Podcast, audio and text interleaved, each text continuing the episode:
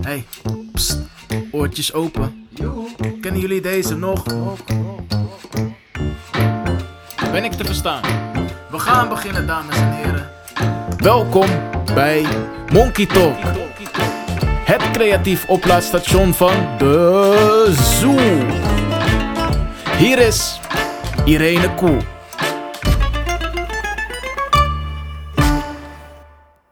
Ben ik weer. Best zin in. Jij ook? Fijn om in je oor te zitten. En als je nu denkt, wat doet de zoo eigenlijk? Dat vraag ik me ook regelmatig af trouwens. Maar kijk in de show notes, daar vind je de URL van de website.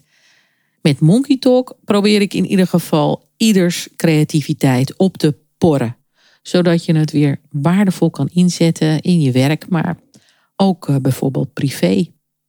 Superhandig. Als je goed weet hoe je je eigen creativiteit, want ieder mens is creatief, hoe je dat uh, kan inzetten. Dikke tip. De truc is, even voor de nieuwe luisteraars, om altijd tot het einde door te luisteren. Ook al lijkt soms een bepaalde rubriek, muziek of verhaaltje je even helemaal niets, denk je nou ik ben wel klaar. En dan voel je even misschien weerstand. Weet dan, als je dat voelt, dan ben je lekker je bedenkspier aan het oprekken. Want vanuit verschillende perspectieven een beetje prikkeltjes krijgen en naar iets kunnen kijken, niet meteen reageren, dat is namelijk ook een onderdeel om tot waardevolle creatieve oplossingen te komen. Best handige bijvangst in deze tijd.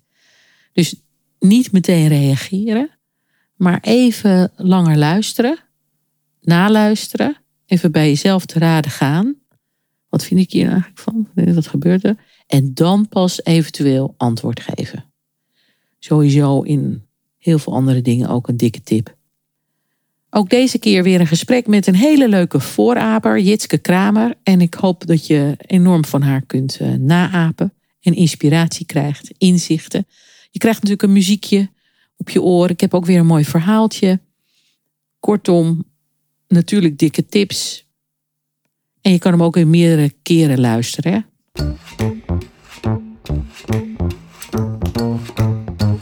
Cultureel antropoloog Jitske Kramer reist de wereld rond op zoek naar manieren om sterke tribes te bouwen en onderlinge relaties te verstevigen. Hoe doen die dat? En dan brengt zij deze kennis en ervaring via mooie boeken, ijzersterke leuke lezingen en heerlijke masterclasses naar onze wereld. Superhandig is dat. Ze doet eigenlijk allemaal voorwerk voor ons. Het spiegelt heel veel over samenwerken, over leiderschap, over onderwerpen die spelen in de maatschappij. Superhandig in deze tijd. Met haar bedrijf Human Dimensions geeft zij en allemaal andere hele leuke mensen diverse trainingen. Handig voor cultuurverandering en wat je dan zo al tegenkomt. Dikke tip, kijk eens even op hun website. Ik heb er ook al mijn uh, Deep Democracy trainingen gevolgd onder leiding van de geweldige Frank Weijers. Hij kwam langs in Monkey Talk 5, geloof ik. Die had toen als titel Conflict als brandstof voor creativiteit. Jeetje Frank, die moet, die moet ook weer eens langskomen bij Monkey Talk 5. Monkey Talk 5, heel lang geleden. Ik ga hem even bellen om in te plannen. Enfin, terug naar Jitske in dit tijdperk vol veranderingen, of verandering van het tijdperk, hoe die ook genoemd wordt, waar we de uitdagingen op cultuurgebied elke dag wel ondervinden, dan is het reuze waardevol om haar weer eens te spreken. Ik ben dan, ze was al eerder hè, in Monkey Talk, maar goed, dat is alweer een tijdje geleden en nu was er echt ook een aanleiding. Ik ben dan altijd nieuwsgierig welke rol creativiteit dan speelt. En zij had dus een uh, concrete aanleiding. Daar vertelt ze zelf over. En daarom is Jitske Kramer. Dames en heren, voorraper aan de phone. Nou, Jitske, wat leuk dat je belde. Je hebt nieuws. Ja. Wat, wat leuk, vertel. Je zei, ik, ik, heb, ik heb even nodig dat ik, ik moet je even wat vertellen. Dus nou, vertel. Wat is het nieuws? Ja, ik, uh, ik, het nieuws is, is dat ik met een boek bezig ben en de titel is bekend en uh, het is zo actueel, het thema, dat het. Ik ben nog aan het schrijven, het boek komt 1 april uit. Maar ik wil nu gewoon al heel graag met alles wat er gebeurt het verhaal naar buiten brengen. Ja, want je kan eigenlijk niet wachten. Nee. Dus dat boek dat komt dan daarna en je gaat alvast met liedjes het land in Ja, over het onderwerp. Ja. En dan, eh, dat is eigenlijk wel handig, want dan kan je daarna, in de, eh, krijg je misschien ook nog alweer feedback wat je kan verwerken. Ja, ik weet niet of dat waar is. Niet helemaal. Ik ben de- de- deze maand eh, aan het schrijven. 1 november het manuscript inleveren. Dan nog een maand de schrijven, schrappen, schraven en de laatste puntjes op de i. Ja, dan, dan gaat het de- de molen in. Ja, Ja, dan gaat hij de drukking. Ja. Nou, wat, wat spannend, wat leuk. En wat leuk dat je er hierover wil praten in Monkey Talk. Het heet eh, Tricky Tijden. eh, met als ondertitel Laat je niet gek eh, maken. Vertel, waar gaat het over? nou waar ik ben naar op zoek aan het gaan is... ehm, wat is nou de dynamiek die ontstaat in hele grote veranderingen? En eh, daar gaan we natuurlijk al heel lang doorheen. En voor mij begon deze fascinatie al een aantal jaren geleden. Toen ik in mijn leven met eh, ja, iemand tegenkwam die mijn eigen werkelijkheid de hele tijd verdraaide. Dus dat je niet meer zo heel goed weet, wat is nou oké, wat niet, wat werkt er nou? En daardoor was ik gefascineerd van, het is eigenlijk heel gevaarlijk voor je mind en je hele gestel als je niet weet wat de waarheid is. En je aan jezelf gaat twijfelen, aan alles gaat twijfelen. En tegelijkertijd is het super gevaarlijk als je super goed weet wat de waarheid is. Ja, Want dan hoor je niks meer. Ehm, nou, dat, die ervaring nam ik mee. Toen kwam corona. eh, waar we wereldwijd door iets vergelijkbaars gingen. Wat is waar? waar? Wie kunnen we geloven? Een hele grote verandering. Alles wat we normaal vinden, dat was niet meer zo. We gingen naar een buitengewone tijd. Ehm, die hebben we heel goed als een kick-off gedaan. Dat was een heel duidelijk ritueel. We moeten naar binnen en eh, het is allemaal anders. Maar we hebben nooit een kick-af gehad. Er is nooit een landelijk ritueel geweest. Nu is het klaar. Dus die hele ja. eh, ja, hoe gaan we met grote veranderingen om in privé, maar ook in organisaties in, maar en in de samenleving. En dan kan je zeggen, de natuur is ook in één hele grote verandering. Nou, en vorig jaar heb ik besloten mijn agenda daarop vrijwel leeg te gooien.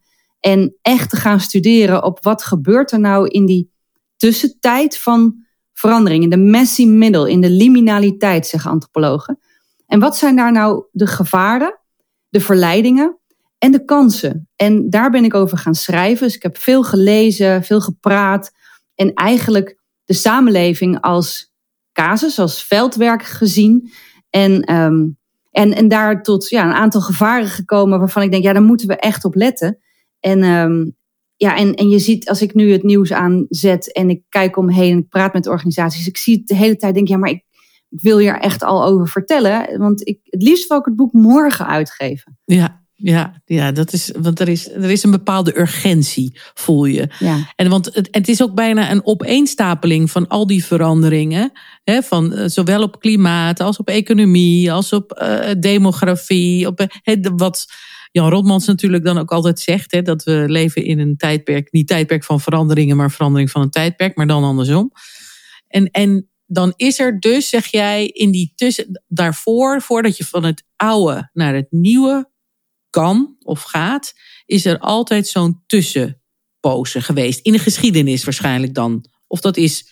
Dat is. Dat is. Dat is ja. gewoon standaard. Dus, dus we je kunnen... kan niet van het een huppakee meteen naar het nieuwe toe. Je hebt nu eenmaal een tussentijd nodig waarin je afscheid neemt van het oude. Of, en ook het nieuwe aanleren. Dus dat, wordt, dat is een beetje een ingewikkelde. Ik begrijp wat je zegt. Messy times. Dat is een ingewikkelde tijd. Ja, en, het is, en we kennen het, want die, die, die manieren van veranderingen die zie je op individueel niveau, op groepsniveau, samenleving of verenigingen, families, op, um, of sorry, op groeps- en samenlevingsniveau, dus groter of wereldwijd, en dan de natuur. En je ziet daar de vergelijkbare dynamiek. Dus ik leg dat het beste uit als je naar het privé kijkt.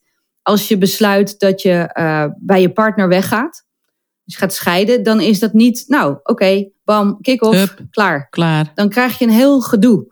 En dan moet je je identiteit weer vinden. Wie ben ik dan zonder en met en hoe werkt dat dan? En op een gegeven moment kom je op zo'n moment dat je denkt, ja, nu geloof ik dat ik wel weer tot mezelf ben gekomen. Maar dat zie je ook bij leuke dingen als een geboorte of een trouwen. Of... En die fases, dus het leven is eigenlijk een aaneenreiging van uh, liminale fases.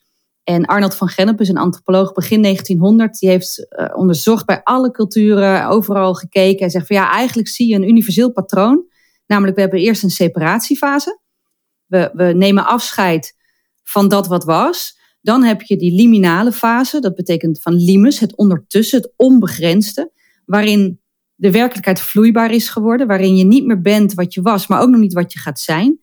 En dan kom je in een integratiefase. En in die integratiefase ga je integreren in het nieuwe leven wat je hebt geleerd in die vloeibare fase. Nou, en dat vloeibare, dat, dat is de messy middel. Dat is, daar is, ja, de, normen staan ter discussie. Um, heilige huisjes zijn niet per se meer heilig. Uh, er is een machtsvacuum, want wie gaat dat dan bepalen? En er is verlies, want ja, maar het was toch wel goed. Dus er is een hele pool om terug te gaan naar hoe het was. En we moeten door. En wat de antropologie heel mooi laat zien, is dat we om door die fases heen te gaan, hebben we overgangsrituelen nodig.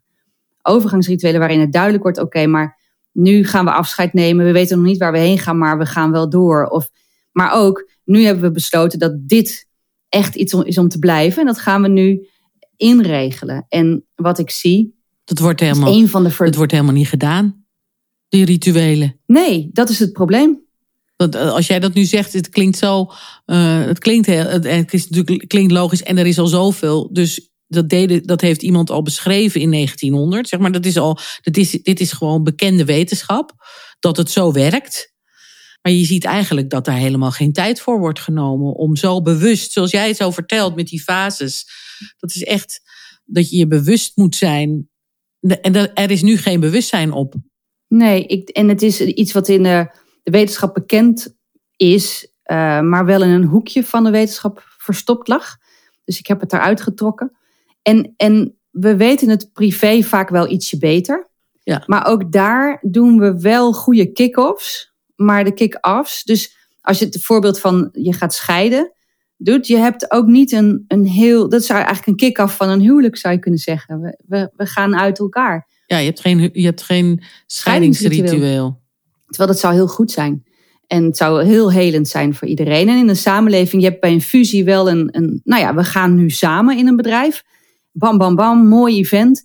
En that's it. Maar wanneer de fusie, het, het kick-off is eigenlijk het afscheid. Dus een afscheidsritueel. We gaan niet meer doen zoals het was. We gaan nu door. We gaan een beetje klooien en we gaan kijken. En wanneer is het nou af? En we starten heel veel projecten, maar we ronden weinig af. En wat ik heel erg zie, is dat we uh, in een soort permanente liminaliteit terecht zijn gekomen. Dus de grap is al jaren van in welke verandering werk jij? Nou, dus we zien op allerlei gebieden allerlei um, bewegingen. En we starten elke keer nieuwe dingen, nieuwe initiatieven, maar we ronden weinig af. En daarmee zijn we, denk ik, een soort experience junkies geworden. We willen elke keer weer de kick van heel vet. Dus we hebben een, een fantastisch event wat echt goed georganiseerd is en hele mooie ideeën, nieuwe ideeën. En dan verzucht iedereen altijd, ja, ja, dan gaat het weer in de waan van de dag allemaal eh, weg. En dan, nou ja, dan doen we volgend jaar weer een fantastisch event. En het wordt steeds fantastischer. Dus festivals worden van één dag naar twee dagen, naar drie dagen, naar vier dagen. We gebruiken allerlei verdovende, oppeppende middelen op allerlei manieren om ons maar weer die leegte eigenlijk, die liminaliteit heeft, omdat we niet zo goed weten wat de zin is en wat de betekenis is en wat ons verhaal is. Dat voeden we dan met allerlei ja, fantastische dingen. Alleen we gebruiken het niet om tot lerend vermogen te komen, om het feitelijk te integreren in dat nieuwe leven. En denk je dat er ook, daar is elke trend heeft ook een tegentrend? Denk ik dan. Zijn er ook al tekenen van mensen, organisaties die dat wel doen? Waar, waar zingeving, hè, dat, je, dat, dat zingeving juist weer. Ik zeg nu zingeving omdat ik denk dat dat daar weer ook weer mee te maken heeft. Dat het dan wat dieper uh, komt. Toch dat je daar dat je durft om door die. Uh, ja, want uh, kick-off party is natuurlijk niet leuk. Dus je, je moet bijna dwingen om even door het putje heen te gaan. Zoals bij Herman Wijfels het altijd de theorie U heeft. Van dat je, even, je moet wel even door het putje heen gaan om naar de andere kant te kunnen komen. Ja, ik denk dat er twee dingen zijn. Is eentje is werkelijk opnieuw zin geven. Want die zingevingsvraag is een liminale vraag. Dus als je wilt transformeren met je organisatie, maakt niet uit op, op, op als het nou op een productlijn is of om uh, je visie in de wereld. Dat vraagt dat je een nieuw collectief narratief, een nieuw collectief gedragspatroon, de wereld moet gaan verbouwen. Dus het, daarmee ook je identiteit opnieuw vormgeeft. Dus die zingeving, dat kan alleen maar plaatsvinden als je tot bepaalde rust komt. Een bepaalde stilte kan opzoeken in jezelf, in elkaar. Dat hoeft geen dagen te duren, soms wel, maar op zijn minst de intensiteit van die stilte. Nou, dat is al op veel plekken een uitdaging. De volgende is dan als je stelt dat je wel die stilte hebt gehad, of wel een prachtig mooi um, moment hebt gehad waar het en stil en, en waanzinnige inzichten in een coaching of in een, in een event, of maakt niet uit. Denk je, wauw, dit gaan moeten we echt doen. En dan kom je terug en dan staat je Outlook vol en je mailbox loopt vol. En dan een week later denk je, ja shit, ik ben er eigenlijk niet op verder gegaan. Het vloeit weer weg. En dan heb je wel de voornemens, maar je pakt niet door. Dus nou ja, en ik denk dat we daar heel veel in zitten. Dus het doorpakken als je, als je weer terug naar het individuele stuk. Als we beslissen, je merkt op een gegeven moment op de vakantie, je kijkt de partner aan dat je denkt, waarom zijn wij nog samen? Dan zit je voor die tent in Frankrijk of ergens anders en je denkt, dit moet echt anders. Maar ja, een beetje hypotheek, kinderen, werk en, en je, je rommelt door. En de volgende vakantie denk je het weer en weer. En ja, zo kan je best 50 jaar huwelijk volmaken. Maar het komt erop neer, ga je op een gegeven moment een herkeuze maken. En die keuze maken is super lastig, want je breekt met iets wat er was. Dus als we dat naar de samenleving trekken, um, nou, er zijn vreselijk veel vraagstukken. De zorg piept op allerlei manieren en kraakt. Het onderwijssysteem, de armoedekloof, klimaat, al die elementen. Als we elkaar in de ogen kijken en denken van, maar dit kan eigenlijk zo niet langer. Ja, maar wat gaan we dan doen? Dus als we nu zeggen, economische groei in een, in een begrensde wereld. Dat is eigenlijk een slecht narratief. En hoe we het moeten oplossen, weet ik ook niet.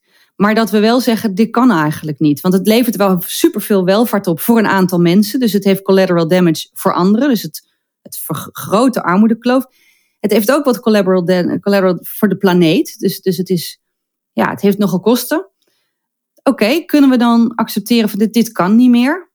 Maar dan moeten we dus dan ook gaan handelen. En, en niet zoals we op vakantie denken, dit kan echt niet meer. En dan weer door met wat we deden. Dat, dat kan dan niet. En dat vraagt dat als je door, dat, door dat die grote veranderingen gaat, in die liminale tussentijd hebt, waar je zegt, ja maar dit kan zo niet, dan moet je dus heel erg actief op zoek gaan, wat dan wel. En daar zit creatie en daar zit scheppingskracht en daar zit nieuwe dingen bedenken. Maar daar zit ook onrust, onzekerheid, chaos, angst.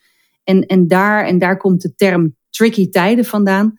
Ehm, in die onrust en het niet weten wat nou goed en fout is, of het verhaal zoeken, zijn we ontzettend ontvankelijk voor mensen die zeggen dat ze het wel weten. En dat zijn de tricksters. Dat zijn, dat zijn de archetypische mythologische figuren die in elke ontstaansmythe terugkomen. Je hebt geen cultuurvorming zonder tricksters. Maar tricksters, die doen anderen na. Die, die hebben trucs, die, die splitten, die splijten. Uh, die zijn soms super onschuldig. Dus de Pinocchio is ook een trickster. Um, en, uh, en Reinhard de Vos en Anansi. En, uh, en nou ja, je hebt ontzettend veel tricksters overal. Um, je hebt leuke en minder leuke. Ja, nou ja, Robin Hood, is dat goed of fout? Ja. Dus, dus al die tricksters doen dingetjes. En eigenlijk doen ze dat zodat wij, mensen eromheen en de leiders kunnen beslissen of het moreel oké is of niet. Maar ze maken wel echt nieuwe dingen. Dus nieuwe verhalen. Um, Anansi die, die, die jat op een gegeven moment alle wijsheid van de hele wereld. Dat stopt hij in een pot. Anansi is een spin en die pot die, die draagt hij, die draagt hij de boom in en dan glijdt het uit zijn handen. Het spat op de grond en alle wijsheid verspreidt zich over de hele wereld. En daarom zijn wij nu nog steeds op zoek naar allemaal stukjes wijsheid. Nou ja, is dat goed of fout? Het goede is, we zijn nu allemaal, kunnen we naar de wijsheid. Het fout is, had het gejat. Um, ja, maar het maakt het verhaal dat je weer met elkaar moet gaan zoeken. En ik denk wat er is gebeurd de afgelopen jaren, is dat wij de, de technieken en de tactieken van de trickster, dat we die zo ontzettend mooi zijn gaan vinden, dat we die zijn gaan adoreren. En daarmee de trickster, uh, ja, als je daar goed naar kijkt, lijkt het heel erg op het functieprofiel van een, van een ondernemer. Oh. De trickster is heel goed in verhaal vertellen. Die, die laat zich niet door feiten. Ja, eh, dat, dus die speelt met alles. Die speelt met de grenzen. Ze is de expert van de grenzen. De expert van feit en fictie. Dat is fantastisch. Alleen Jack Sparrow is ook een fantastische trickster. Maar je wil hem niet als CEO. Maar dat is wat we hebben. Op heel veel plekken. En Pinocchio is heel gaaf. Maar je wil hem niet als politieke leider. Daar wil je wel waarachtigheid en oprechtheid. En heel vaak weten we niet zo goed welk verhaal gespind wordt. Dus we spinnen, we hebben spindokters die het verhaal spinnen. En als het, als het in een tijd is waar het verhaal al een beetje vloeibaar is, ja, dan weten we gewoon niet meer wat de route is. Dus het is heel tricky aan de ene kant nodig, omdat ze de boel opschudden, omdat ze de boel op scherp zetten, of omdat ze misschien een luikje openmaken naar de toekomst toe, waardoor je denkt, oh, wat, wat, daar durf ik ook naartoe. Want veranderen gaat ook over durven, hè, dat je het moet durven. Dus ze zijn misschien ook aanmoedigend uh, daarop. Maar tegelijkertijd uh, is het niet de waarheid. Nee. En is er iemand anders, daar uh, is er sterk leiderschap of, of bezielend leiderschap of inspirerend leiderschap nodig, die wel die goede puntjes eruit weet te pikken. Ter aanlokkelijkheid of zo. Maar daar dan wel een bepaalde moreel kompas bij zet of zo. Of een Ja, bepaald de- de- zo de van tricksters wel en de- zorgen dat het solidair of dat het. Is dat Ja, het? tricksters en trickster tactieken, dat is immoreel. Die, die, die doet er niet aan. Die, ja, dat, de- het kan, dus ik doe het. En dat is super lekkere energie. Het is hele betoverende energie, want het is heel vrij en eh, eh, uitdagend. Maar er zit, de, kracht is alleen als er ook een begrenzing naast staat. En zeggen, dit is wel oké, dit is niet. En we gaan dit doorvoeren en dit niet. En dat onbegrensde, dat maakt het enorm tricky. En dat maakt ook dat we onbegrensd verhalen verzinnen. En niet meer weten wat het is. En dat maakt dat we, dat we het, nou ja, tricky ehm, eh, tactieken zijn bijvoorbeeld dat je gewoon dingen niet meer zo goed weet. Dat je denkt, ah, nou ja, heb ik geen actieve herinnering aan. Dat is een prachtige trickster tactiek. Ja, dus het is niet, je hoeft niet alleen maar dat jij eh, niet, eh, dat je het helemaal trickster bent, maar iedereen doet misschien wel eens tricky dingen. Ja, Of zegt wel kinderen zijn er heel goed dingen. in. Kinderen zijn er, maar inderdaad dat iemand zegt ik heb er geen actieve herinnering aan, dat is ook een beetje tricky. Ja, en Al. Dus dan doe je het eigenlijk voor. Het is ook een beetje dat het mag. Ik had, zat laatst ook eens in een vergadering, toen gebeurde er iets wat dan, eh, het mag volgens de wet, maar het is eigenlijk moreel niet oké. weet je, dat vond ik dan natuurlijk. En, en, Ja. en toen, zei, en toen zei die, zeiden die persoon, ja, maar het mag. Het mag. Het mag volgens de wet. Toen zei ik, ja, dat interesseert me niet. Ja. Maar is het oké? Is, het, is het ook goed? Ja, en, en wat daar mooi aan is, als je naar liminaliteit kijkt, die wetten zijn ontstaan uit een bepaalde logica. En als de logica verandert, als het verhaal verandert, als het narratief verandert, dan kan het zijn dat de wetten niet meer kloppen. Ik bedoel, slavernij was ook ooit een wet, maar er was, op een gegeven moment dat die logica volgen we niet meer. Nee. Dus die, die, die wet breken we. Dus in, in die liminaliteit staan heel veel dingen ter discussie, omdat we zoeken naar echt een andere manier. Dus, dus was ooit winstmaximalisatie een hele goede reden en stabiliteit en werkgelegenheid om gif te lozen in je omgeving. Op een gegeven moment, en dat zijn we nu mee bezig, nou vinden we eigenlijk niet meer zo'n goed idee. Dus dan verandert er iets en dan verandert dus ook regelgeving. En waar, waar wacht je op? En ik heb in het boek heb ik uiteindelijk dus een aantal gevaren en verleidingen beschreven. En één Ja. gevaar daarvan is de trickster. En heb ik een, een soort trickster spectrum gemaakt. Dus de trickster is niet goed of fout. Alleen het kan een soort ja, onschuldige, beetje per ongelukken met goede intenties, onbewust van de impact. Dat is een beetje verleidelijk. Dat is hartstikke leuk. Dus je pakt het net iets mooier in dan het was. Je poest je cv een beetje op. Is dat strafbaar? Nee, dat doet iedereen. Dat is ook mooi. Maar als het van, van onschuld naar wat brutaler, naar wat gewiekster, wat sluwer gaat, dan zitten we in het spectrum van de charlatan. Ja. Dat je zegt, nou, ja, is het, dan hangt het vanaf aan welke kant van het verhaal je staat, of je het nog leuk vindt of niet. En dan kan het ook vals worden en crimineel, en dan is het gewoon schofterig. Dus, nou ja, dan is de vraag als je, als je wist dat ehm, de uitstoot van jouw fabriek ehm, giftig is voor je omgeving, en bij de vergunningaanvraag ben je dat vergeten te zeggen, ehm, eh, is dat dan zeg maar een brutalige manier van je management? Heel verleidelijk en goed, want ja, je had gewoon iets te verdedigen. Of zeggen we, nou, dat is wel charlatan, dat is, dat is gewoon sluw. Of zeggen we, dat is gewoon crimineel en dat moet vervolgd worden. Nou, en ik denk dat in dat, dat trickster gedrag, dat we heel veel dingen die we heel lang als een soort slimmigheid hebben gezien, we langzaam zeggen, maar het is eigenlijk niet zo oké. En dan is het te makkelijk om te zeggen, dat gaat over ieders persoonlijke morele kompas. Dus je moet het allemaal individueel doen. Mijn, mijn, mijn conclusie is, is dat we in een trickster cultuur zitten, waarin we het als groep, als cultuur, eigenlijk wel oké zijn gaan vinden. Dus we vinden, heel, we vinden mensen die in soundbites praten lekkerder dan mensen die hem een heel wollig antwoord geven met allemaal details. Ja, als je dat zo vindt, dan is de kans dat je daar heel veel trickster spin op krijgt groter. Dus, dus we hebben met elkaar wat te doen. Wat vinden we nou oké eigenlijk? Dat is nu ook met, die, met natuurlijk met de nieuwe uh, de verkiezingen die eraan komen. Dat, en dan die verbat, uh, debatten op televisie. En dat er dan wordt gezegd, ja, als jij in 30 seconden niet kan vertellen wat je, wat je programma is, nou, dan heb je het dus niet goed begrepen. Nou, ja. dat is typisch een gevalletje van dan heb je het inderdaad niet goed begrepen. Want juist in deze moeilijke tijden vergt het soms wat meer uitleg en, en, en data en goed, goed begrijpen. En kan je dat niet, als je het in 30 seconden gaat uh, kunnen, dan moet je eigenlijk op gaan passen. Want dat is, uh, dat is een beetje trickster dan. Ja, en, en dat is zo lastig, omdat ik denk eh, dat heel veel mensen in hun functieomschrijving elementen hebben staan die gaan over public relations en PR. Die gaan over communicatie, die gaan over goed verhaal kunnen vertellen. Um, die gaan over politieke bestuurlijke sensitiviteit. Dus goed kunnen inschatten wie waar zit en hoe dat veld. Daar is op zich, lijkt me dat allemaal hele goede eigenschappen.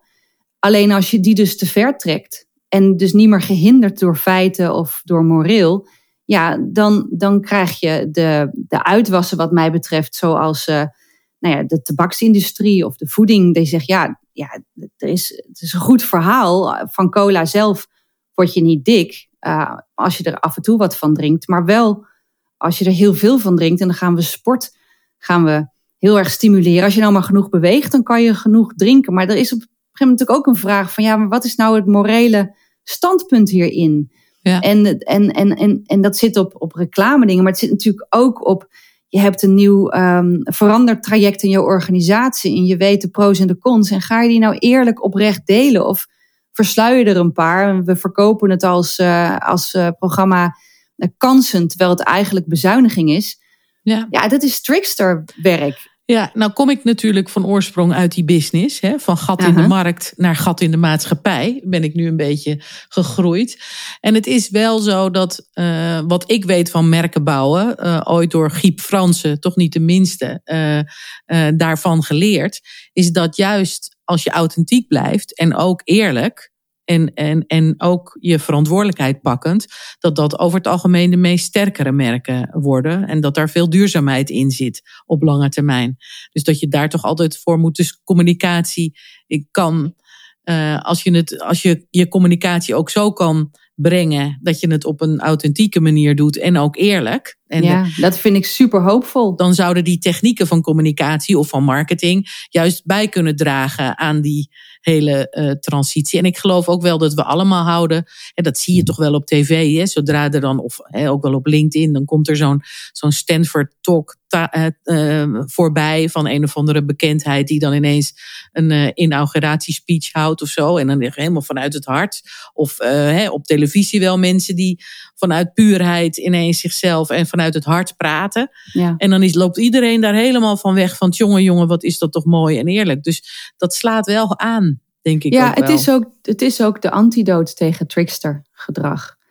Dus een trickster kan vanuit de tactieken alles ombuigen, spelen met de feiten, spelen met grenzen, alles kan. Maar authenticiteit en oprechtheid, daar kan je eigenlijk niet mee spelen.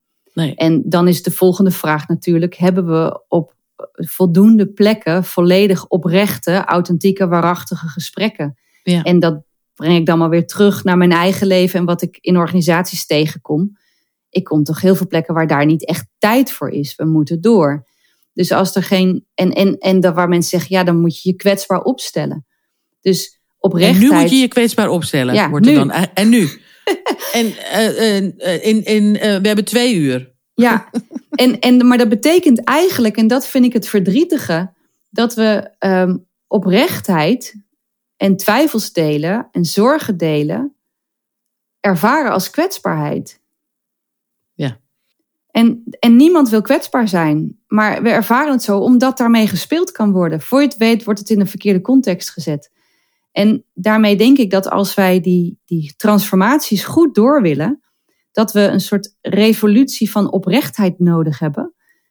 waarin we echt gaan praten. En we, spreken nu over transparantie op allerlei plekken. We hebben transparantie. Ik denk dat dat belangrijk is. Maar ik denk wat we echt nodig hebben, is gewoon oprecht. Gewoon zeggen, ik weet niet of ik maak me zorgen over. Ik lig hier wakker op. Ik zie dit gebeuren. Wat is belangrijk? Dus het werkelijke gesprek om in die hele grote transformaties, waar alles ter discussie staat, om te kijken, oké, maar als we dit dan weten, wat is dan, als we elkaar echt in de ogen kijken, de volgende stap? En hoe gaan we dat implementeren? En dan komen we meteen bij het volgende gevaar, zou ik wel willen zeggen, is dat grote transformaties altijd samengaan met machtsverschuivingen. Omdat degenen die heel goed waren in de oude situatie en het gedrag goed kunnen wat daarbij hoort, ja, kunnen die ook het nieuwe gedrag heel goed. Dat de contracten en de financiële constructies die er zijn, op basis van het verhaal wat altijd goed was, als we het gaan veranderen, dan moeten we nieuwe samenwerkingspartners vinden, nieuwe netwerken, nieuwe contracten afsluiten. Dus we stoppen financiële stromingen, omdat het nu gewoon anders gaat. Ehm, en dat zie je wederom individueel als je grote keuzes maakt op groepsniveau, in organisaties, samenlevingsniveau. En ja, dat betekent dat, dat uh, we een, een, machtsverschuiving hebben. En daar is het super spannende bij dat degenen die het meest belang hebben bij hoe het nu is of was, die, hebben, die zijn aan zet om die, die stap te zetten. Maar die zitten ook heel vaak, wat ik maar noem, aan de chocoladekant van het koekje. Dus die hebben daar allemaal niet zo heel veel directe last van de problemen die we nu hebben. Um, en degenen die er wel heel veel last van hebben, die hebben die macht niet. Dus, dus je krijgt een soort knetterend, um, ja, gevuld vacuüm zou ik haast zeggen, met al die polarisaties en die meningen en die gevoelens. En dat is super, super spannend. En hoe ik daarnaar kijk, is dan, dan zie je, als je nu naar de, de samenleving kijkt en, en je kijkt naar alle vraagstukken die er zijn, um, van klimaat tot armoede en alles ertussenin, dan zouden we kunnen zeggen, sommigen zeggen dat is apocalyptisch, dat is onzin, zo erg is het allemaal niet. En sommigen zeggen we moeten nu handelen, want anders gaat alles stuk. Nou, als ik dan nadenk, denk ik, oké, laten we zeggen, wij zitten straks in een bejaardentehuis over een x aantal jaren. Dan kijken we terug op deze tijd en dan of het valt mee. Dan kijken we terug, zeggen we, wat hebben we ons druk gemaakt, hè? Nou, is met een sisser afgelopen. Nou, millennium bug. Ja, ja, millennium bug. Nou, dan is het mooi. Dan maakt niet uit. Maar als het niet meevalt, en ik ben bang dat het niet mee gaat vallen. Spreken we een andere taal. Dan En dan kijken we naar deze tijd en dan zeggen we, wat hebben we dan gedaan? En ik denk daar dat als je dan naar de track record van ons mensen kijkt, dat wij als mensheid heel veel grote transformaties alleen maar hebben kunnen doen met heel veel opstand en bloed en gevecht en geweld. Um, dus dus ik zou wel willen zeggen, we zitten nu in een waanzinnige tijd dat we anno 2023 geschiedenis kunnen gaan schrijven. Door te zeggen, wij gaan met elkaar collectief deze transformatie door op een geweldloze, goede manier. Omdat we zien wat er nodig is. We gaan oprechtheid uitspreken. We gaan sorry zeggen waar dat nodig is. En we gaan opnieuw bouwen aan, aan de volgende stap. En dat vraagt onwijs moedig leiderschap. Ja, en, en, en tegelijkertijd dus ook, uh, zeg maar, elke, ook daar weer het framen van uh, en het spannend maken. En het, uh, dus enerzijds wel de urgentie blijven voelen, maar anderzijds ook juist comfort bieden aan mensen om te zeggen van het wordt heus leuk. Weet je? En je gaat nou ja, je gezicht ook niet verliezen. Dat, dat je ook weet dat, uh, had ik het over toen we dat gesprek met Herman Wijfels, dat iedereen natuurlijk afzet tegen alle mensen die het destijds allemaal slecht hebben gedaan. En de industriële, weet je, en daar kan je allemaal, uh, kan je allemaal alles van vinden. Maar het heeft ons gebracht waar we nu zijn. Uh, dus uh, je moet ze wel ook weer meenemen daarin. Ja. ja. en, en ook zeggen van ja, het heeft, het heeft ons nu gebracht, ook het hele fossiel, fossiele brandstoffen. En nu moeten we, gaan we over naar een andere vorm van energie. Uh, ben ik helemaal met je eens. En dat gaat ook prima lukken, want uh, kijk eens even hoe ver we nu al zijn. Weet je, tien jaar geleden stonden we op plaats 27 en nu op plaats 3. En het schijnt dat we, het schijnt dat, het, dat ook alle onderzoeken weer blijkt dat, het, dat we het hartstikke goed met elkaar doen. Dat wil niet zeggen dat we achterover moeten leunen. We moeten vooral door. Maar ik ben daar optimistisch in gestemd dat wij, wij, ja, weer schaffen das, wilde ik bijna zeggen. Wij kunnen dit. Als we het inderdaad vanuit oprechtheid ja. Dat, we, dat er wel een soort van leercurve zit. Dat hoeft toch niet nou elke keer maar te zijn. Ik, ik ben, ik, ik, soms heb ik dagen dat ik er zo in zit zoals jij erin zit nu, wat je beschrijft. En soms denk ik, dit, uh, dat gaat helemaal niet. Dus ik, ik wiebel daar wel in. En zeker in de afgelopen maanden toen ik hier uh, indook. Ik denk het, ik heb een paar beelden. Eén beeld is dat we hebben met z'n allen van, van waanzinnig feest gehad. De afgelopen decennia in de zin van we hebben mooie dingen beleefd. Een deel van ons, een ander deel niet. Dat vergeten we dan af en toe nog wel eens. Maar het is wel ten koste gegaan van veel bevolkingsgroepen. En we hebben er een enorme puinbak van gemaakt. Dus we worden nu soort wakker na dat waanzinnige feest. Kijk om ons heen. Is het makkelijkste om te gaan bashen degene die de plastic bordjes had meegenomen. Waarom heb je dat gedaan? Maar we hebben er wel allemaal van gegeten. Dus het is gewoon een kwestie van: oké, eh, dat is gebeurd. We gaan nu opruimen. En, uh, en we gaan doen. Ook wat, dat heeft een uh, ritueel nodig. Dat heeft absoluut een ritueel nodig. En, en wat ik dan merk in dit, is dat heel veel mensen dan nu zeggen: van oké, maar maar dan, dan, dan hebben we wel een nieuw verhaal nodig. Of een stip op de horizon om daar naartoe te komen. Ja. En ook daar ben ik naar gaan kijken. En denk, oké, dus we hebben dan die trickster al. We hebben die, die machtsstrijd. Maar dan hebben we ook dat narratief, dat verhaal wat we niet hebben. En, um, en daar kwam ik heel erg zelf, dat ik op een gegeven moment dacht, dat ik, ik, ik heb het gevoel dat ik verdwaald ben. Gewoon, gewoon verdwaald in het verhaal. En daar heb ik onderzoek naar gedaan. Dus ik ben op verdwaalcursus in, in Engeland gegaan. ik dacht van als je dan verdwaald bent in de natuur, hoe moet je dan de weg weer vinden? Wat kunnen we daar dan weer van leren? En, um, en ik vond het een heel mooi beeld. Um, want als je verdwaald bent, kan je geen stip op de horizon zetten. Want dan ben je namelijk niet meer verdwaald. Um, dus wat moet je dan wel doen? En wat ik zo mooi vond, ik ben eens in survival literatuur gedoken en dus met mensen gaan praten. En, en de eerste stap als je in de natuur verdwaald bent, is dat je accepteert dat je verdwaald bent. En dat is de waanzinnig moeilijkste stap. Want als je dat doet, als je in je eentje of met een paar mensen ergens gestrand bent en je accepteert dat je feitelijk echt niet meer weet waar je heen moet, dat is het moment dat je de dood in ogen kijkt. En ik denk dat als we met als samenleving nu zeggen: oké, maar we zijn verdwaald, dat is dat wat we voelen. En dat is super, super spannend. En als je die stap wel zet, dan wat moet je dan doen? Ja, we pakken de kaart erbij. Dat kan dus niet. Um, je kan ook niet zeggen, ik hoop dat de natuur dan mij zoveel uitdagingen geeft als dat ik aan kan. Nee, je, moet doen met de zwaarte die er is. En eerlijk zijn naar elkaar wat je wel en niet kan.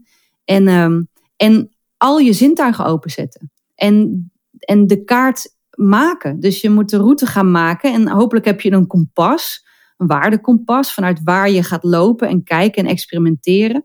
En toen ik in Engeland was om hierover te leren, en ik beschrijf in dat boek hoe dat, hoe dat gaat.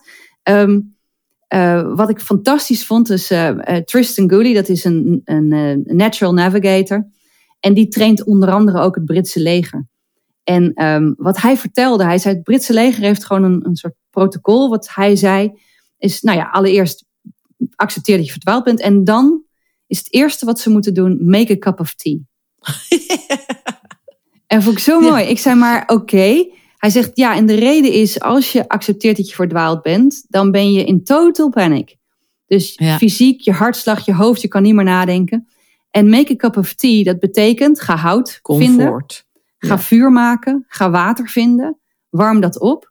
Hij zegt dat maakt dat je hele relatief eenvoudige taken krijgt die je kan doen. Dan ga je zitten, dan pak je de kop water, heet water, thee in je handen en je kijkt elkaar in de ogen en je zegt nou, what? Ja. En ik vind dat zo'n mooi beeld, omdat ik voor mijn gevoel moeten we zoveel meer kopjes thee gaan maken met elkaar. Ja. En ook in de andere metafoor taken pakken die in ons directe vermogen liggen om in zo'n grote verandering, en een grote verandering in privé of in je organisatie met waar van alles aan de hand is, of in een samenleving, maar kleine die stukjes. Je, kleine stukjes die Ja. je kan en ondertussen dat contact met elkaar houden. Make a cup of tea, weet je wel. Dus Ja. Ja, ik, ik Ja, vond dat twee, een, twee, ja, twee, inderdaad. Een olifant eet je in stukjes, zeggen ze ook wel. zielig. Dus, eh, juist, ja. maar Dat je het kleiner maken en het behapbaarder maken, waar jij in ieder geval ook controle op kan hebben. En dan ook de, de warmte en de, en de comfort van de thee. Om, lekker, om goed bij jezelf te komen. Want ik kan me voorstellen dat in zo'n panieksituatie. eh, om dan te zorgen dat je goed in je bekken rust. Dat je even goed Ja. gegrond blijft. En goed even weer bij jezelf komt zodat je dan ook dan kan goed wortelen of goed bijna aarde, wou ik zeggen. Dan kan je ook dan sch- schiet je niet in de paniek. Dan, kom je, dan kan je weer even rustig blijven en zeggen, nou, wat is nou slim? Wat is wijs om te doen? Wat is wijs? En, en, en dan weet je, ik, ik geloof heel erg, als we weten waar we zijn, dan weten we waar we naartoe moeten. Ja, Maar durven we te zien waar we zijn? Ik denk op heel veel plekken durven we dat bijna niet onder ogen te komen. Eh, ik ben zelf ooit eh, ziek geworden, jaar ziek thuis geweest, jaren geleden. Maar de acceptatie dat er met mijn lijf van alles aan de hand was, dat is het grootste. dat is eh, dat Ja. achteraf dacht ik van, oh, ik wou dat ik dat wat sneller had gedaan. Ik heb maanden gevochten ertegen. En dat was het grootste gevecht. Dat heeft het Ja. bakken energie gekost. Terwijl accepteren waar je bent en dan weet je waar naartoe. En dat geldt, je zit in een organisatietransformatie van, eh, weet ik veel, onderwerp X. Accepteer, kijk om je heen. Waar ben je? Wat is je omgeving? Ja, en dat inderdaad wel, want dat komen, komen wij natuurlijk ook wel heel veel tegen eh, in onze cultuursafaris en eh, wat iets meer. Hè? Dat je inderdaad het, het eerlijk durven in de spiegel kijken en ook echt inderdaad zeggen dat het, dat het zo is. Het is. Dan beginnen toch die mooimakerijen en ja. nou, alles begint dan tegen te werken. Dus je krijgt daar heel veel weerstand op. Maar inderdaad, om, eh, om echt even eh, rustig daarbij stil te staan en te accepteren wat is. En dan daarbij ook het vertrouwen te mogen hebben. Maar misschien ben ik wel een beetje een te veel blij ei hoor. Maar dat je dan het vertrouwen mag hebben dat, dat, dat je alles in je hebt. En ook vaak in het team. Of ook dat, je, eh, dat het goed komt. Of dat je daar wel mee weet Ja. om te gaan. Ik, En zeker in, en met alle respect ook weer, zeker in Nederland. ja. Weet je, laten we wel zijn, jij reist ook veel. Nou, ik heb ook, eh, eh, reist ook wel aardig wat, ofwel in Afrika, ofwel in India. Nou, dan, eh, is hier, de- hè, dan heb je het hier nog best. de- hè, de- als, als het het ergens kunnen, is het hier, denk ik dan. ja, en ik denk dat dat, dat dat ook met verantwoordelijkheid komt.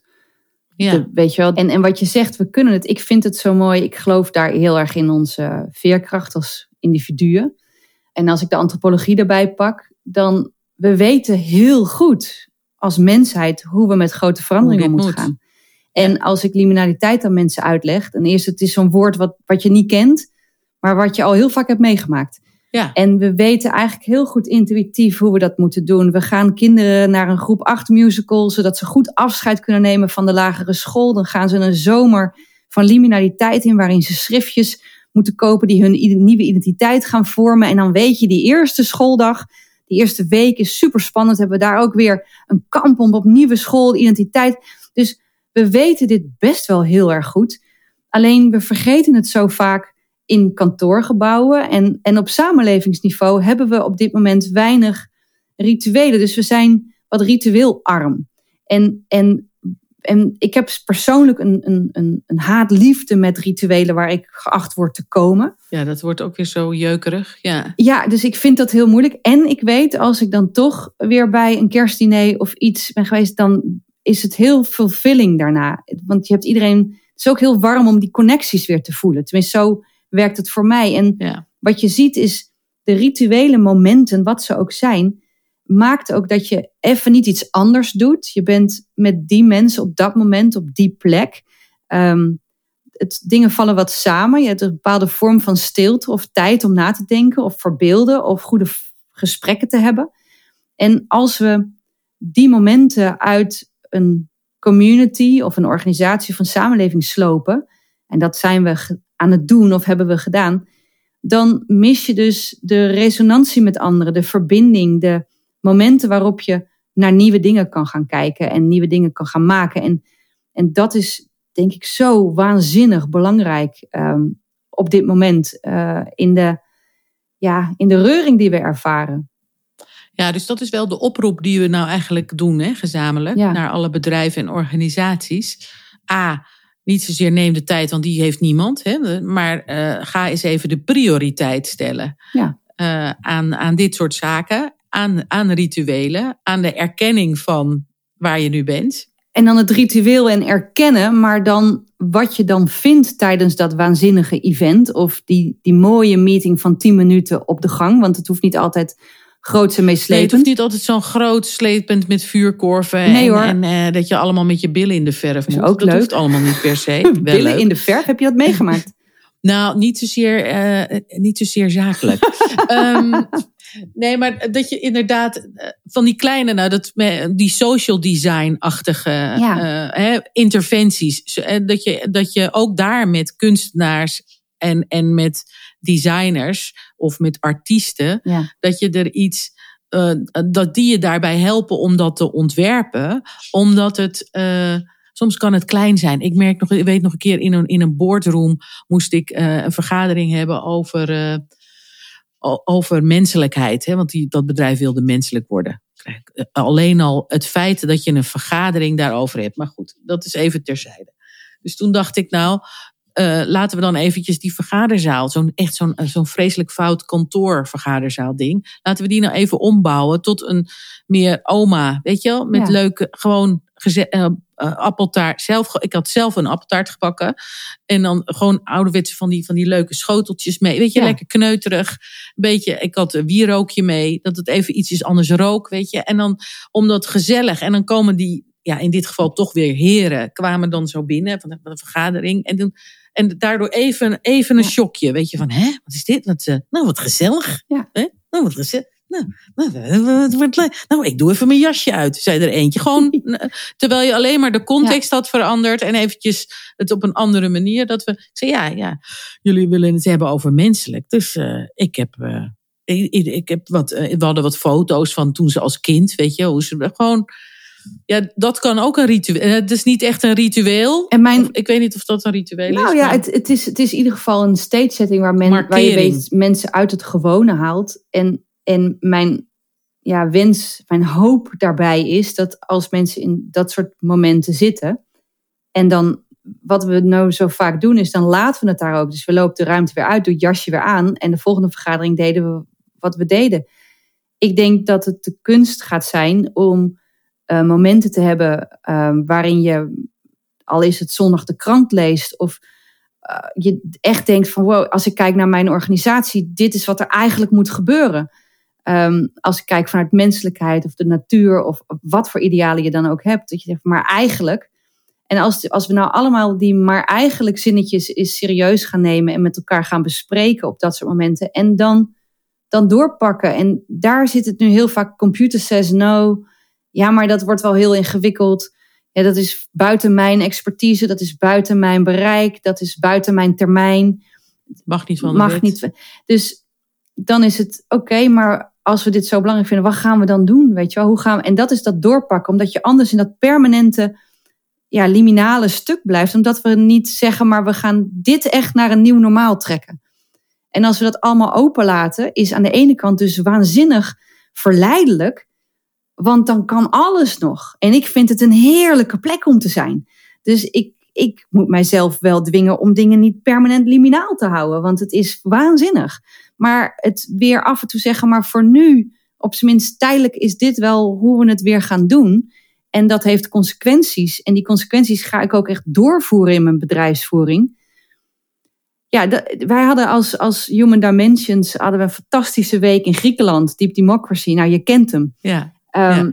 En hij, ja, hij, om alle redenen was het zo goed om daar te zijn. En prachtig en enorm impact. En deden alles wat daar moest.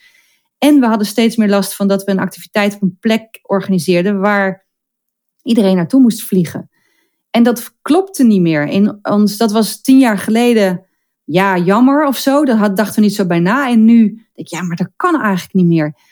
En dan, ja, dan hebben we dus een bedrijfsactiviteit die, die gegarandeerd vol zat, su- super succesvol, enorme impact en toch gestopt. Met heel veel pijn en moeite en, en goede gesprekken. En dan kijken, nou ja, wat zijn dan alternatieven? En daar dan maar even de tijd voor nemen. Ehm, en ik denk dat is dus op een hele kleine schaal. Maar ik denk dat we op, op dat soort dingen echt stuiten nu. Dat we met elkaar zeggen, oké, maar als we gaan transformeren, dat kan niet met op de bank zitten. En dat kan niet met nog een mooi verhaal verzinnen. Dan moeten we do the work, weet je wel? We moeten gewoon samen get with the program. Zie waar je bent. En vanuit daar met een kop thee in je handen en elkaar in de ogen kijken. What's next? Weet je wel, wat gaan we doen? En en daar heb je een eh, flinke dosis creativiteit bij nodig. zeker, Dat, eh, dat vind ik natuurlijk al- altijd heel erg leuk, dat je daarover mag nadenken. En durf, durf allerigheid. Hè. Je moet daar toch wel een beetje een durf al voor eh, te zijn. En goed leiderschap. Ja. Dus jongen, dat hebben we hard nodig. Ja, leiders, Daarin. En, ook, en niet alleen maar hard nodig van buiten, maar ja, ook in jezelf. leiderschap in de Iedereen- breedste zin. Eigenaarschap nemen van dit soort dingen. comfortabel zijn bij het niet weten. Ik denk dat dat een van de grootste uitdagingen is. Omdat we, als we daar niet goed mee om kunnen gaan, we dus heel eh, ontvankelijk zijn voor mensen die dat niet weten, even voor ons wegpoetsen met een snelle quote en een goede, slimme, korte eh, oplossing. Ehm, Ja, beware of tricksters. Beware of Toch wel een beetje. Ja. ik begrijp wel waarom je eigenlijk al met dit soort liedjes het land in wil. Ja. Want de tijd is er zo rijp voor. En iedereen zit erop te wachten. Dus ehm, heel veel plezier daarbij. Je bent vanaf nu te boeken met een lezing Zeker. over dit soort dingen. ja, en, en Dus, ook eh, ik zal even verhalen, in de show notes interviews, zetten. ik vind het allemaal... Ik, Ja, ik wil graag Dit- het gesprek dit- met ja, allerlei mensen nee, dat is even, als je dit nou luistert en, ehm, en hoort, dat is natuurlijk even de oproep. Want dit, dit verhaal willen we heel graag zoveel mogelijk aan iedereen vertellen, omdat het zo belangrijk is.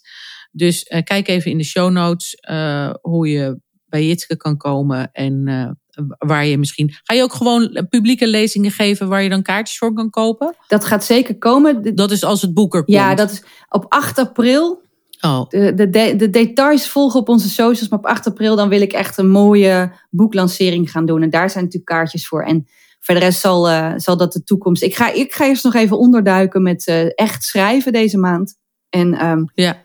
En vanaf daar dan eh, weer te boeken Zeker. voor eventuele sneak preview lezingen. zeker. Ehm, ga er alvast mee aan de slag. Er zijn ook al wat artikelen die, je ook, die staan ook op jullie website Ja. om eh, wat te lezen. Dan kan je alvast een beetje in, de in de sfeer komen. Nou, heel veel succes bij het schrijven nog. Ja, dank. Bij de laatste loodjes. Dank. En eh, we spreken elkaar dan vast als het boek er is. Ja, fantastisch. En dank dat ik alvast met je erover mocht praten. ja, ja, ja. ja, ja. We, gaan, we gaan even tamtammen allemaal. Super. Oké, dankjewel. Dag. Nou, dag, voorraper aan de phone.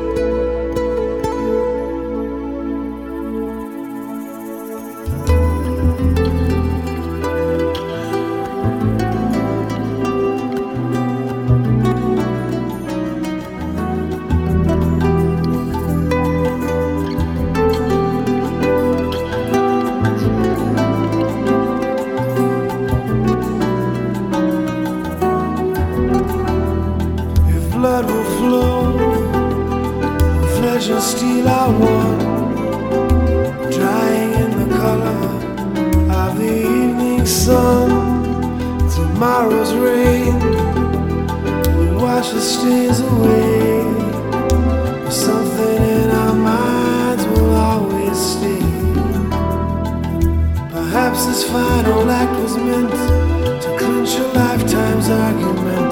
But nothing comes from violence, and nothing ever could. For all was born beneath an angry star. Lest we forget how fragile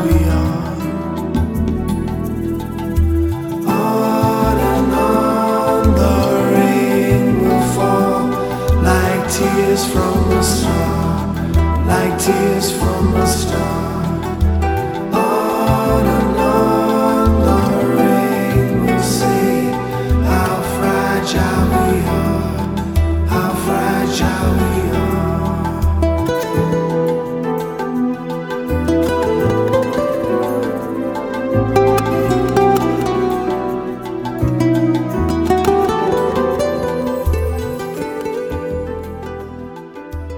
hebben wij weer dat we in een liminale fase zitten.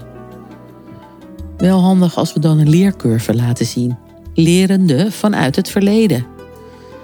Dan begrijp je wel dat we. Ja, we zitten wel in een kwetsbare fase, hè? Fragile.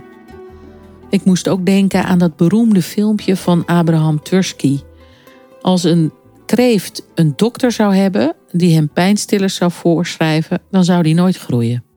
Een kreeft krijgt bij groei namelijk langs van zijn schaal, van zijn harnas. Dat zit als een harnas om hem heen. Dat groeit niet mee natuurlijk. Dus dat gaat steeds meer schuren en, en pijn doen. Krap komt hij te zitten. Dus wat doet hij dan? Dan eh, gaat die eh, schaal kapot die, en dan die werpt hij af. Maar ja, dan is hij natuurlijk hartstikke naakt, hartstikke kaal. Nul bescherming en heel kwetsbaar. Dus dan kruipt hij als de wiede weerga onder een steen. En dan groeit er langzaam weer zo'n schaal om hem heen. Wordt weer helemaal op maat wordt dat gemaakt. Prachtig toch weer die natuur. Ja, we zijn misschien nog in deze liminale fase een beetje een naakte kreeft. Herken je dat? In welke verandering werk jij? Of zit jij? En wil je het liefst ook even wachten onder een steen? In je organisatie of in, je, in jezelf? Ben je daar bewust mee bezig? Valt je dat op? Hoeveel last heb je ervan? Ben ik wel nieuwsgierig naar. Laat eens wat van je horen daarop. Goede zelfzorg is dan dus belangrijk. Ik ga daarom, precies ook daarom, elk jaar zo vanaf half november nu, ik pak hem nu wat ruimer, precies om deze reden, want ik ben ook daar wat kwetsbaar eh, in door wat er allemaal gebeurt, ga ik met een ruime winterslaap om eh, te verwerken, te verteren, energie op te doen. Even zoals Jaap Voigt ook eerder in een Monkey Talk, het leven met de seizoenen, dat heeft uh, aangeraden. En dat werkt, als een, dat werkt heel erg goed. Ik heb het nu zelfs dit keer zwangerschapsverlof genoemd. Dat zeg ik tegen iedereen. Om het toch ook een beetje licht en luchtig te houden.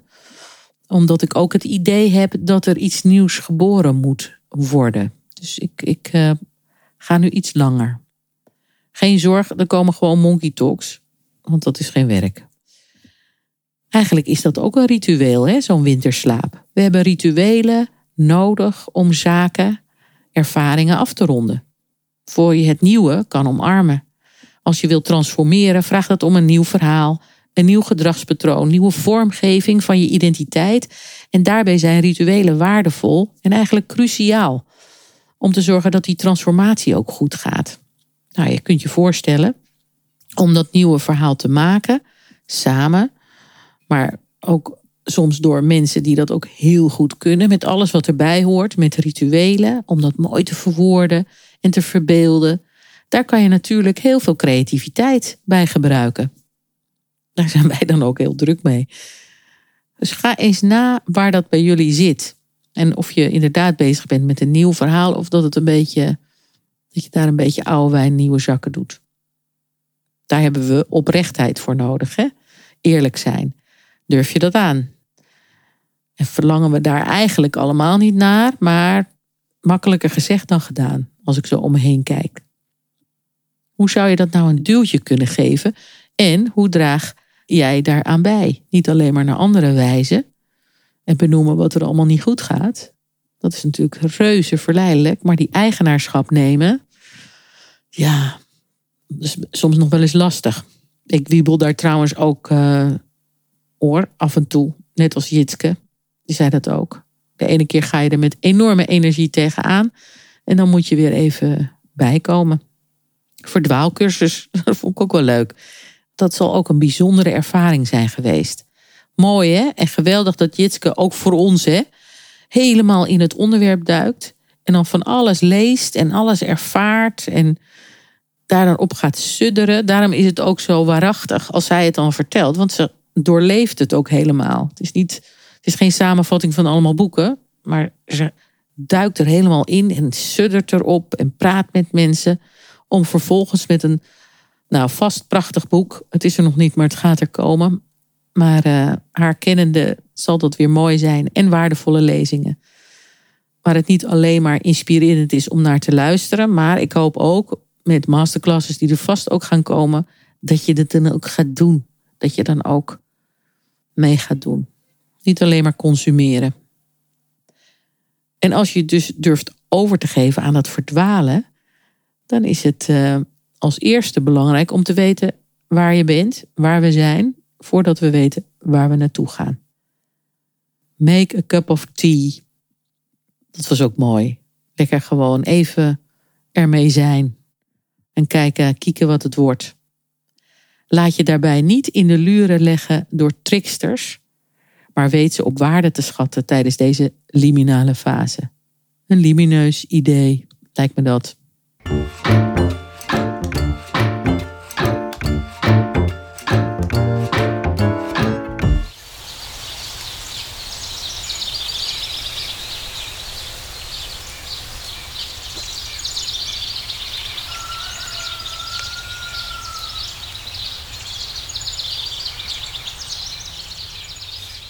Op een ochtend zat de eekhoorn op de tak voor zijn deur naar de horizon te kijken. Het was koud en de eekhoorn wachtte ongeduldig op de zon. Maar toen de zon boven de horizon verdween, zag hij opeens dat iemand hem wegrolde.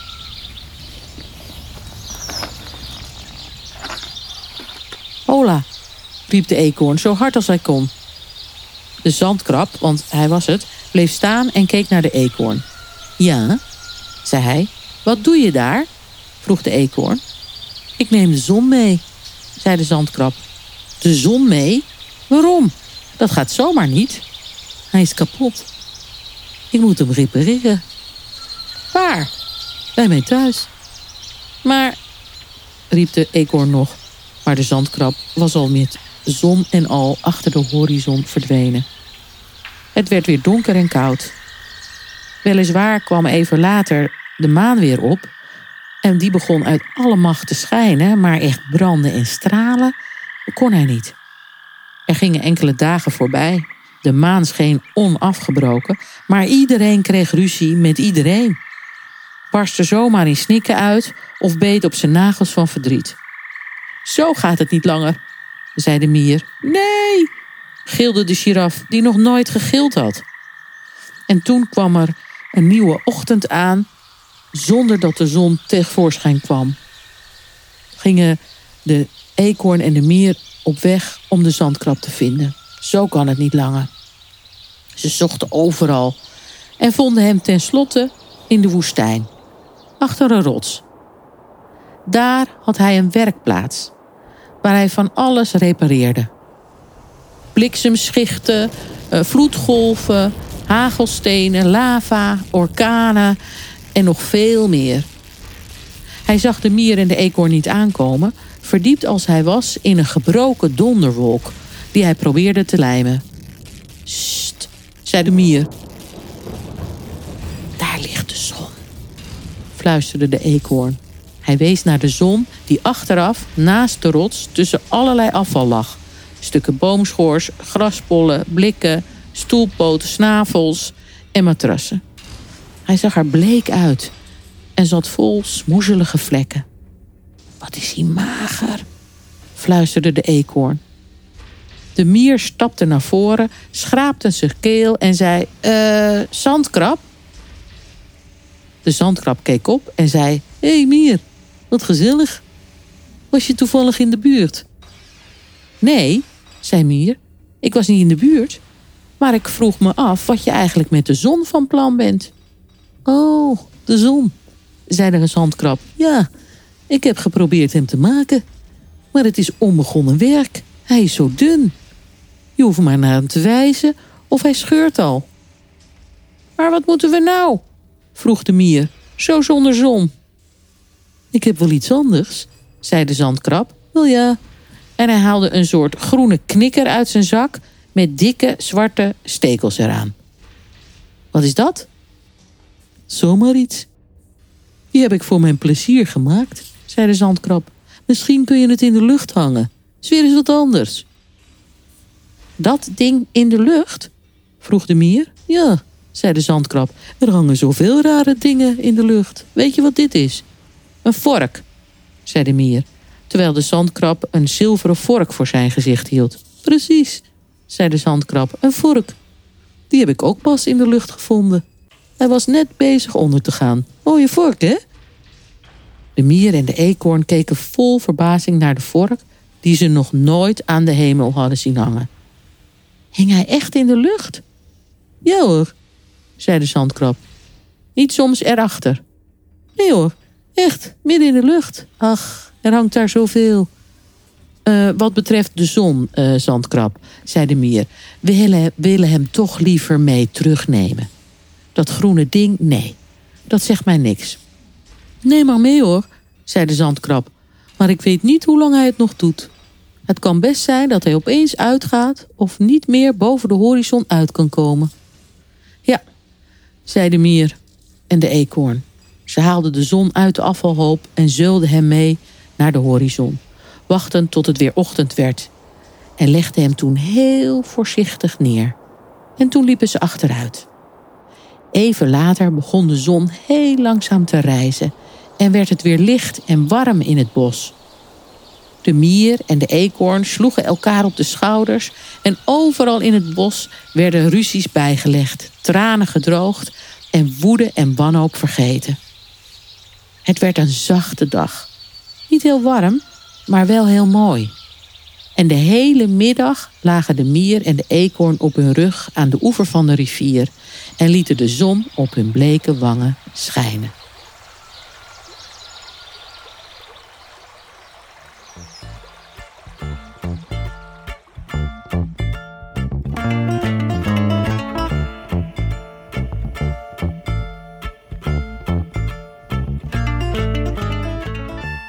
Zo, mooi verhaaltje van Toon Tellegen.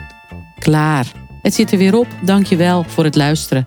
Ik hoop dat je weer met nieuwe inzichten de wereld ingaat. En je creativiteit weer een beetje is opgeport. En toch ook een beetje zin krijgt. Huiswerk, eh, nou ja, lekker verdwalen zou ik zeggen. En dan thee drinken. Weten waar je staat en wat je meeneemt op de reis. Dat is trouwens ook wel iets om voor de winter om te doen om te bedenken en te ervaren. En dan natuurlijk op zoek naar uh, rituelen. Uitzwaaiparty organiseren zou ik zeggen, om oud gedrag uit te zwaaien. Nog meer huiswerk? Um, nou ja, sowieso Monkey Talk aanraden bij minimaal zes van je collega's, vrienden, kennissen, familie. Uh, en de enquête over Monkey Talk kan je ook nog steeds invullen. Kijk maar even in de show notes hoe dat uh, kan. Doe mij een lol, doe dat eens. Want uh, dan krijg ik een beetje in het snotje wat jullie ervan vinden. Feedback is altijd goed. Zeker in deze liminale fase. Neem ik graag mee in de winterslaap. Dankjewel. Zorg goed voor jezelf. Tot de volgende keer. Dag, dag.